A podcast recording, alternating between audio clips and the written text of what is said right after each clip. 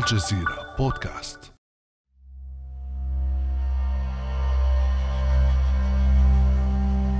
في العام الماضي 2021 سجلت مصر رقما قياسيا جديدا الأولى عالميا في الحكم بالإعدام ب 356 حكما وهي أيضا الثالثة عالميا في تنفيذ الإعدامات منافسة بذلك الصين وإيران. تقارير أخرى لمنظمات حقوقية توثق وجود 65 ألف معتقل في السجون المصرية بتهم سياسية. الأرقام كثيرة وسجل الانتهاكات كبير ومتنوع والواقع في مصر يزداد سوءا مع أزمة اقتصادية تتفاقم ومجاعة تلوح بالأفق. وسط كل هذا يسمع العالم خبر الإفراج عن 41 من معتقلي الرأي. وبعدها بأيام تسمع دعوات جديدة لحوار سياسي في مصر. ولا أخفي عليكم. سعادتي البالغة في خروج دفعات لعدد من أبنائنا الذين تم الإفراج عنهم خلال الأيام الماضية. وأقول لهم إن الوطن يتسع لنا جميعا. وإن الاختلاف في الرأي لا يفسد للوطن قضية. تكليف إدارة المؤتمر الوطني للشباب. بالتنسيق مع كافة التيارات السياسية الحزبية والشبابية لإدارة حوار سياسي حول أولويات العمل الوطني خلال المرحلة الراهنة فلماذا يدعو الرئيس عبد الفتاح السيسي إلى حوار سياسي الآن؟ وما شكل هذا الحوار المحتمل وما هي مآلاته؟ ومن المدعوون للمشاركة فيه؟ وما ردود الفعل المختلفة تجاه هذا الحوار؟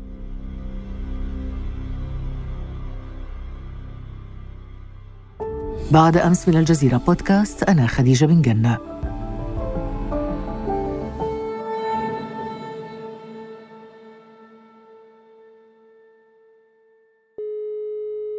يسعدني استضافة الدكتور محمد عفان مدير منتدى الشرق للأبحاث الاستراتيجية. أهلا وسهلا بك دكتور.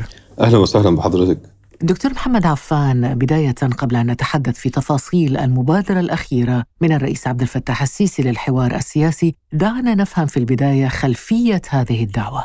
نعم يعني هذه الدعوة جاءت بشكل مفاجئ للكثيرين بمعنى أنها جاءت في سياق الإفطار العائلة المصرية في آخر رمضان وجاءت في وسط الحديث يعني لم تكن فقرة تم التركيز عليها أثناء النقاش وإنما جاءت عرضا ضمن نقاط أخرى تم تداولها في هذه الفترة. الذي جعل هذه الدعوة لها صدى ولها تأثير وأدت إلى إثارة جدل داخل المجتمع المصري وداخل النخبة السياسية المصرية هو تزامنها مع بعض الخطوات التي تم أخذها مثل إطلاق سراح 41 من معتقلي الرأي في هذه الفترة.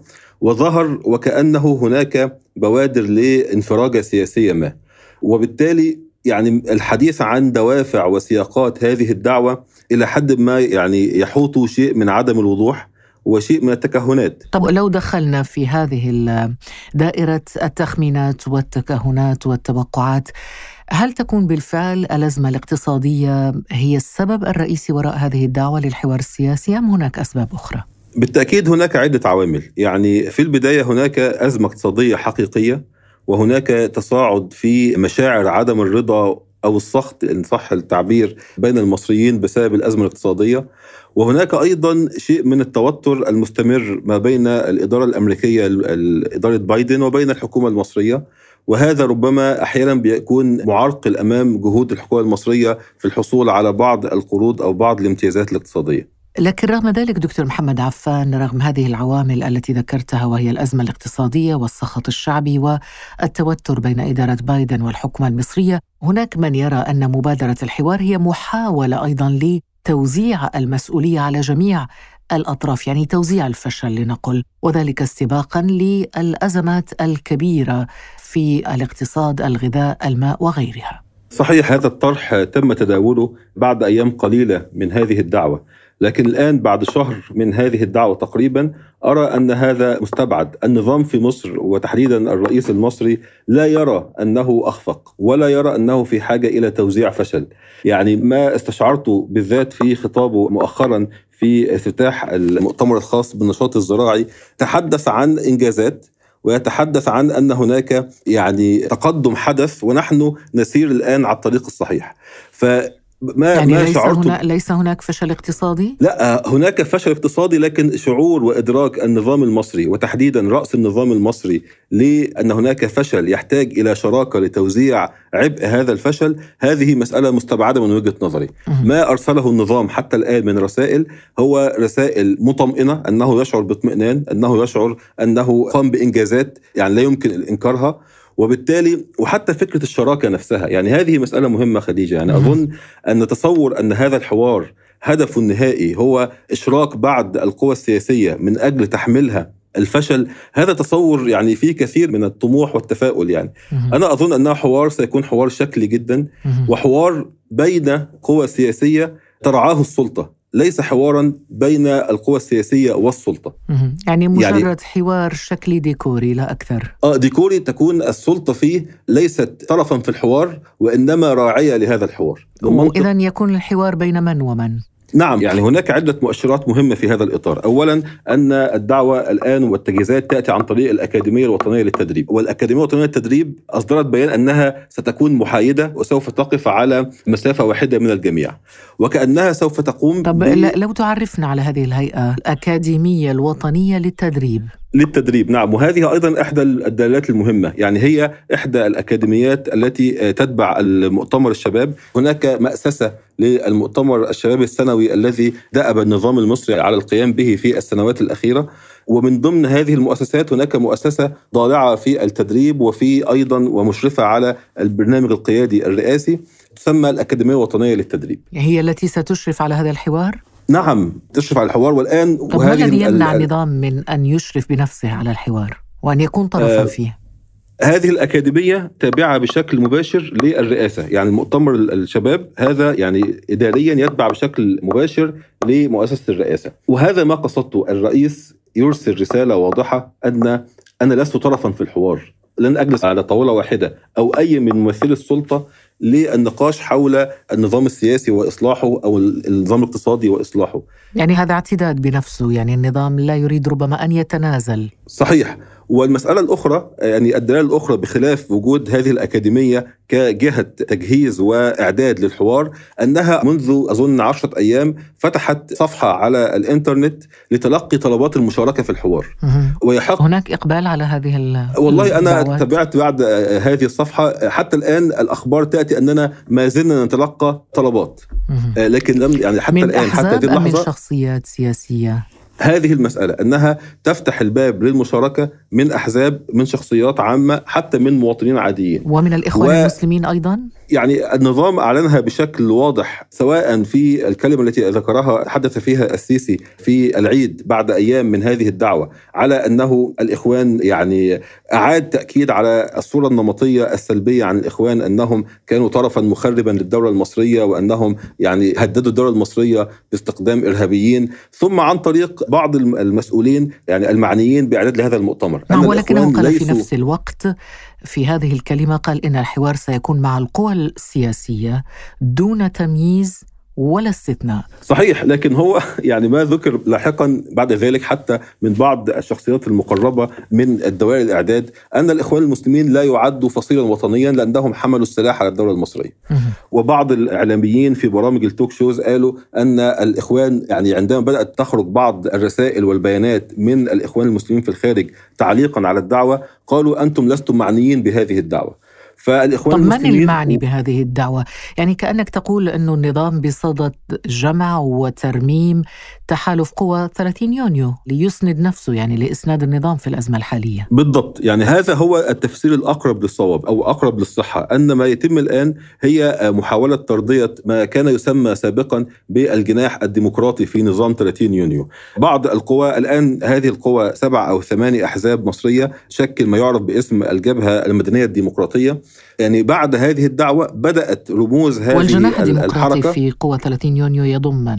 نعم يضم بعض الأحزاب التي كانت مشاركة في 30 يونيو والتي دعمت وأيدت الانقلاب يعني أحزاب مثل المصريين الأحرار أحزاب مثل الحزب المصري الاشتراكي أحزاب مثل حزب المحافظين بعض الأحزاب المصرية التي تعد بشكل أو بآخر معارضة موالية، هي معارضة لبعض سياسات النظام لكنها ترى أن ما حدث شرعيا وليس لديها مشكلة مع ما هو قائم الآن في كنظام سياسي في مصر. نعم، قلت أن هذه الدعوة قد تكون جاءت ترضية للجناح الديمقراطي في قوى الثلاثين من يونيو، ألا تعتقد دكتور محمد عفان أنه ممكن أيضا تأتي كترضية للخارج الخروج بوجه جميل ديمقراطي يقابل به النظام الخارج؟ صحيح وهذا هو يعني المسار الثاني أو قد يكون المستهدف الثاني، المستهدف الأول هو محاولة ترميم العلاقة مع بعض القوى السياسية المدنية من أجل استيعاب حالة سخط قد تتزايد لاحقا نتيجة الأزمة الاقتصادية، ثم المسار الثاني هو فتح حوار وفتح علاقة أو تقديم وجه قد يكون إيجابي للنظام الدولي أن هناك خطوات متدرجه للانفتاح السياسي في مصر. لكن دكتور محمد عفان إذا لم يحاور النظام خصومه الحقيقيين واكتفى بالخصوم بين قوسين السوفت الناعمين ما قيمة أي حوار إذا لم يكن هناك فعلا فيه الخصوم الحقيقيون؟ يعني الإخوان مثلا هناك يعني جدوى من حوار لا يشارك فيه الإخوان المسلمون مثلا؟ صحيح وهذا يعود بنا لهذه النقطة. كيف يرى النظام هذا الحوار؟ وكيف تراه المعارضة المصرية؟ إذا كنا نتحدث عن حوار حقيقي يفتح يعني صفحة جديدة ويتجاوز خصومات الماضي فبالتأكيد الإخوان المسلمين يجب أن يكونوا من المدعوين لأنهم أكثر فصيل الآن في خصومة وأكثر فصيل كان عرضة للقمع والإقصاء السياسي في السنوات الماضية. أما هذه الرؤية للحوار الوطني ليست رؤية النظام. النظام يرى حوارا شكليا يتم ما بين بعض الأطراف الموالية بدرجة أو بأخرى وحتى ذكر في البيان الرسمي من الأكاديمية أنه سوف يتم تجميع هذه المقترحات ثم يتم رفعها إلى الرئاسة. بصيغة غير ملزمة وبصيغة استشارية وبالتالي ليس حوارا يخرج عنه توصيات تكون محل تنفيذ وتطبيق من السلطة. فالإخوان المسلمين كما ذكرت إذا كان الهدف هو حوار وطني لتدعيم الوحدة الوطنية والخروج من الأزمة الموجودة حاليا فبالتأكيد الإخوان يجب أن يتم دعوتهم. لكن كل المؤشرات حتى الآن تقول أن هذا الحوار ليس حوارا بهذا المفهوم وأن الإخوان غير معنيين وغير مدعوين لهذا الدعوة. نعم ولكن إذا تمت دعوتهم إلى هذا الحوار هل سيشاركون برأيك؟ المشكلة على الطرف الآخر من الإخوان المسلمين أنهم هناك الآن ربما فصيلين أو ثلاثة متنافسين حول تمثيل الإخوان المسلمين وبعد ظهور هذه الدعوة كان هناك رأيين مختلفين. رأي بيرفض تماما هذه الدعوة ويرى أنه لا حوار مع هذا النظام طالما أن الرئيس السيسي هو على رأس هذا النظام.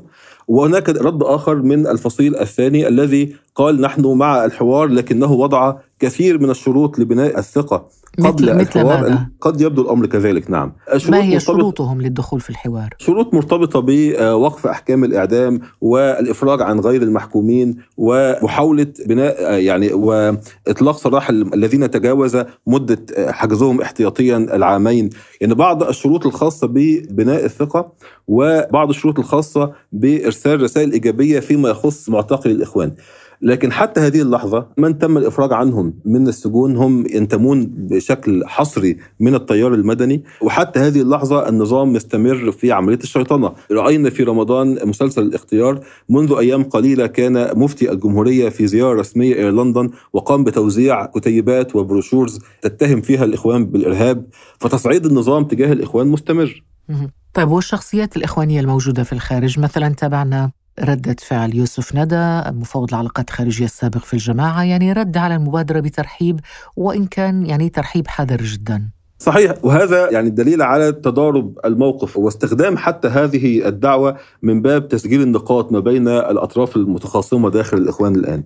فالبعض رأى أن هذا الترحيب تنازل، البعض رأى أنه يعني اخذا بالمسؤولية من أجل الإفراج عن المعتقلين وتخفيف أزمتهم، فهذه الدعوة استخدمت كورقة ل يعني تسجيل النقاط بين الأطراف المتنازعة في الإخوان الآن. طيب ماذا عن القوى الأخرى دكتور محمد غير الإسلامية نعم. أو غير الإخوانية أيضا؟ نعم، هنا تأتي مسألة مهمة أن القوى المعارضة انقسمت حول هذه الدعوة بين من رآها غير جدية ولا حتى فرصة للتفاعل؟ ومن رآها أنها غير جدية لكن يمكن أن نستغل هذه الفرصة من أجل تحقيق بعض المكاسب السياسية. فبعض القوى المدنية حتى الموجودة خارج مصر يعني زي الدكتور أيمن نور أو آه، مهندس ممدوح حمزة كان لهم تعقيبات على هذه الدعوة وكان هناك محاولة لاستغلال هذا الظرف سواء ب ماذا قالوا؟ المطالبة بإدماج المعارضة في الخارج في الحوار، يعني هناك المعارضة منقسمة بين ثلاث يعني مجموعات، المعارضة في السجون، المعارضة داخل مصر والمعارضة في المنفى. وطلبوا بتمثيل لكافة أطياف المعارضة في هذا الحوار. ثم مبادرة أخرى جاءت وهي في طور التحضير منذ مدة الحوار الموازي أن تقوم المعارضة المصرية في الخارج بعمل حوار موازي يناقش بسقف حرية أعلى وبجدية أعلى التحديات التي تواجهها مصر الآن مم. اقتصاديا أو في الأمن المائي أو في أزمة النظام السياسي نعم دكتور محمد عفان أنت شاركت ووقعت على عريضة لنشطاء مصريين تطالب أو يعني فيها مطالب وشروط للدخول في الحوار ما هي رؤية هذه الجماعة التي وقعت على هذه العريضة للحوار؟ نعم يعني هذه المبادرة جاءت من مجموعة من الناشطين والحقوقيين في الخارج وكانت الفكرة بطبيعة الحال تتبنى الرؤية الثانية أن هذه الدعوة غير جادة لكنها فرصة يمكن أن يتم استغلالها من أجل الضغط على النظام في بعض الملفات. وهذه العريضة كانت تطالب بمسألتين مهمين أولا بضمانات بناء الثقة من النظام لأنه في النهاية هو الطرف الذي يعني هو الطرف المتغلب والطرف الأقوى وبالتالي بعض القضايا الخاصة بوقف أحكام الإعدام بالإفراج عن المعتقلين السياسيين بفتح مجال حرية في الإعلام لكي يكون الحوار ليس حوارا ما بين نخب داخل غرف مغلقة وإنما أيضا حوارا مجتمعيا وفي مساحة من الحرية والشفافية داخل أجهزة الإعلام فرفع القبضة الأمنية عن أجهزة الإعلام. ثم المسار الثاني هو نعم. المحتوى المحتوى. يجب أن يكون المحتوى فقط كما نستشف من توجه النظام. هو حوار من أجل الإفراج عن بعض الشخصيات فيتم تجميع أسماء ثم يتم النظر فيها ثم الإفراج عن بعضها يعني وعدم الإفراج عن الآخر. ما يمكن أن يخرج عن هذا الحوار هو الإفراج عن المزيد من المعتقلين. هذا ما تقصده؟ نعم هذا ما نراه حتى الآن من مؤشرات أن هناك سقف ضيق جدا لمفهوم الإصلاح السياسي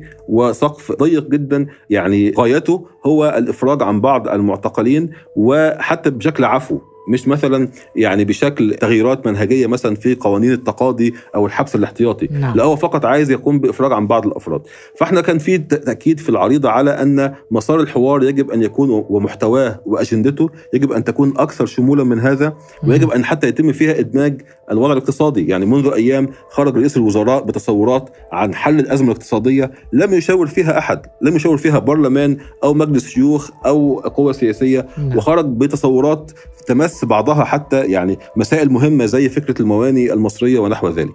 فكان الهدف من العريضة هو محاولة توسيع التأكيد على نعم. ضمانات بناء الثقة نعم. وتوسيع أجندة الحوار. شكرا جزيلا لك دكتور محمد عفان مدير منتدى الشرق للأبحاث الاستراتيجية. كنت معنا من إسطنبول. شكرا لحضرتك. كان هذا بعد أمس.